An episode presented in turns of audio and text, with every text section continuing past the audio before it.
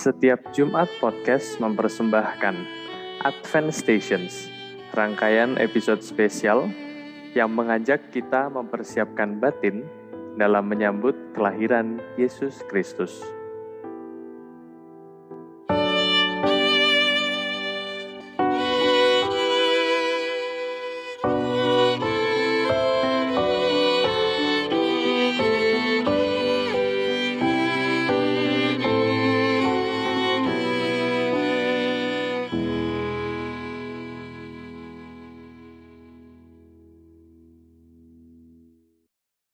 Bacaan pertama.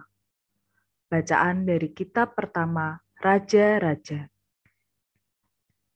Jadi, masuklah Batsheba menghadap raja ke dalam kamarnya. Waktu itu, raja sudah sangat tua dan Abisak, gadis Sunem itu, melayani raja. Lalu Batsheba berlutut dan sujud menyembah kepada raja. Raja bertanya, "Ada yang kau ingini?"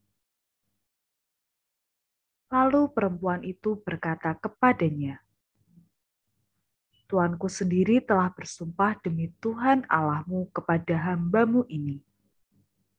Anakmu Salomo akan menjadi raja sesudah aku, dan ia akan duduk di atas tahtaku. Tetapi sekarang lihatlah, Adonia telah menjadi raja, sedang tuanku, raja sendiri tidak mengetahuinya.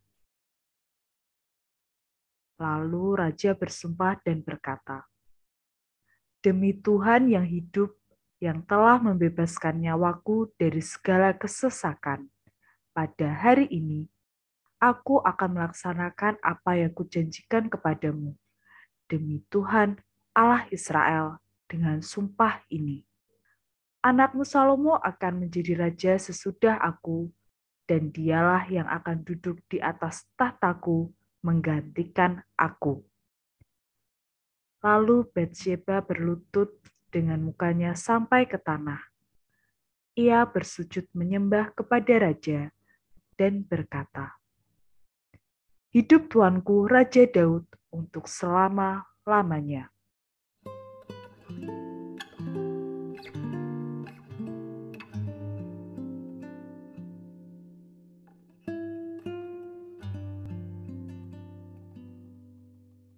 Rekan-rekan muda, pendengar setiap Jumat Podcast, Sobat Ignasian di mana pun Anda berada.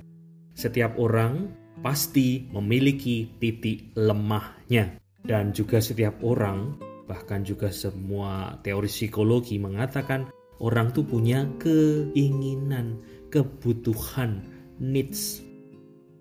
Di bidang rohani ada pendapat mengenai dunia tarik-menarik antara roh baik dan roh buruk. Santo Ignatius pada awal latihan rohani memberikan penjelasan mengenai ini. Kita juga tidak bisa memilih sebenarnya kapan, di mana, oleh siapa kita dilahirkan, di mana kita dilahirkan, dalam rupa yang seperti apa, tapi kita bisa memilih bagaimana nanti kita dikenang saat kita wafat. Menjelang masa-masa hari raya Natal, kita diajak untuk memiliki suatu pengharapan dan semangat konsistensi dalam membersihkan diri. Bacaan yang kita dengarkan tadi adalah kisah Nabi Daud yang ingin move on, membersihkan diri, ingin menjadi bersih kembali dengan cara ingat pada komitmennya. Memang di satu fakta dia memiliki sejarah dosa. Kisah Daud barangkali juga adalah kisah kita, tipologi dosa, modus operandi kita, di mana ada cara setan bekerja mengiring pada persinahan, pikiran buruk, penyalahgunaan jabatan dan kepentingan, kebohongan, dan bahkan pembunuhan. Satu hal yang menarik dari cara ini ada kebohongan yang dipakai untuk menutupi kebohongan-kebohongan yang lain. Maka siklus dosa pun akan semakin besar, besar, dan besar. Tetapi bacaan hari ini menunjukkan bahwa ketika orang dikenai rahmat pertobatan, ia menyesal, ia ingin memperbarui diri, masih ada yang namanya kesempatan. Tetapi dari pihak manusia harus dibutuhkan komitmen tekad yang kuat. Daud ditantang, apakah sungguh-sungguh mau berkomitmen tegas, tidak dibelenggu oleh kekuasaan, pikiran sempit, atau sekedar memuaskan dirinya atau dia itu ingin supaya betul-betul pulih. Cara Allah bekerja baik sekali di sini mendengarkan perasaan gerak batin, mengamati rasa lekat tidak teratur dan mungkin juga membutuhkan pihak lain untuk menegur, menantang kita. Bersyukurlah kalau kita itu bisa aware dengan kecenderungan-kecenderungan kita. Maka dikaitkan dengan tema Advent, bacaan hari ini sebuah tantangan, sebuah pemantik agar orang itu mantap di jalan pertobatan. Pertobatan itu bukan proses sekali jadi, tetapi butuh ditegaskan lagi dengan komitmen-komitmen.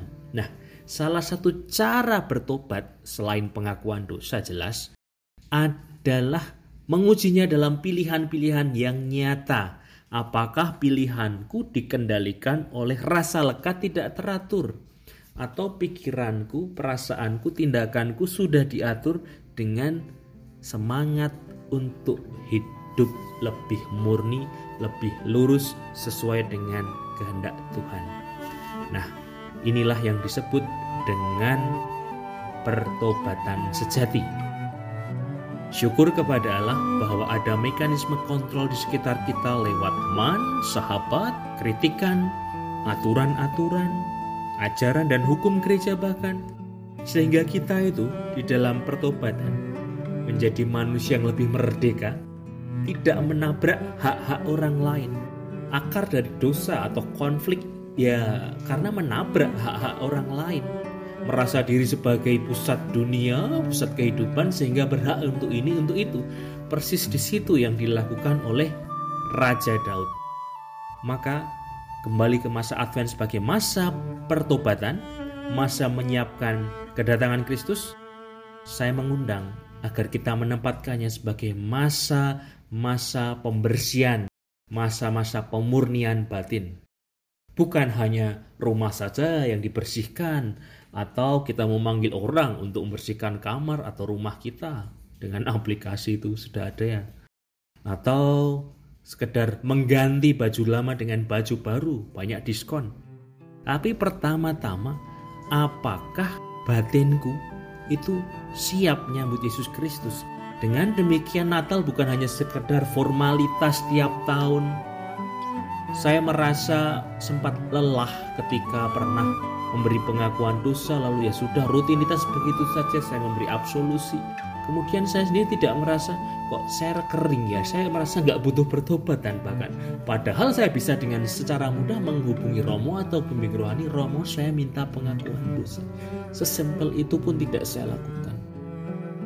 Di situ ada rasa rakus rasa tamak rasa ingin mencukupi diri sendiri. Padahal kita sungguh butuh Tuhan. Kalaupun kita sudah merasa rendah hati, dibentuk lagi supaya makin rendah hati. Dengan demikian kita menjadi lebih merdeka, lebih bebas, lebih gembira dalam memberikan kesaksian hidup. Sehingga tidak dihantui oleh rasa dosa, keinginan lekat tidak teratur, tapi Romo, kok rasanya makin banyak ya tugas, tanggung jawab, tuntutan saya juga saya masih sibuk ini, nggak sempat. Tanggung jawab saya makin banyak, justru di situ tantangannya. Ada sebuah ungkapan, from great power comes great responsibility. Dari kekuatan yang besar muncul tanggung jawab yang besar. Kalau kita mengamininya, tentu juga akan ada tanggung jawab sebagai anak-anak Allah. Kekuatanku itu besar, maka aku harus mengaturnya agar tidak melukai sesama. From great power comes great responsibility. Semoga hidup kita selalu diberkati. Bacaan kedua. Bacaan dari surat kepada orang Ibrani. Sebab bukan kepada malaikat-malaikat telah ia taklukkan dunia yang akan datang yang kita bicarakan ini. Ada orang yang pernah memberi kesaksian di dalam suatu nas katanya, Apakah manusia sehingga engkau mengingatnya, atau anak manusia sehingga engkau mengindahkannya? Namun engkau telah membuatnya untuk waktu yang singkat, sedikit lebih rendah daripada malaikat-malaikat dan telah memahkotainya dengan kemuliaan dan hormat. Segala sesuatu telah engkau taklukkan di bawah kakinya. Sebab dalam menaklukkan segala sesuatu kepadanya, tidak ada suatu pun yang ia kecualikan yang tidak takluk kepadanya. Tetapi sekarang ini belum kita lihat bahwa segala sesuatu telah ditaklukkan kepadanya. Tetapi dia yang untuk waktu yang singkat dibuat sedikit lebih rendah daripada malaikat-malaikat, yaitu Yesus, kita lihat yang oleh karena penderitaan maut dimahkotai dengan kemuliaan dan hormat, supaya oleh kasih karunia Allah ia mengalami maut bagi semua manusia. Marilah berdoa. Tuhan yang Maha Pengasih, melalui masa penantian ini, kami mendamba rahmat pertobatan untuk memaknai hidup lebih mendalam.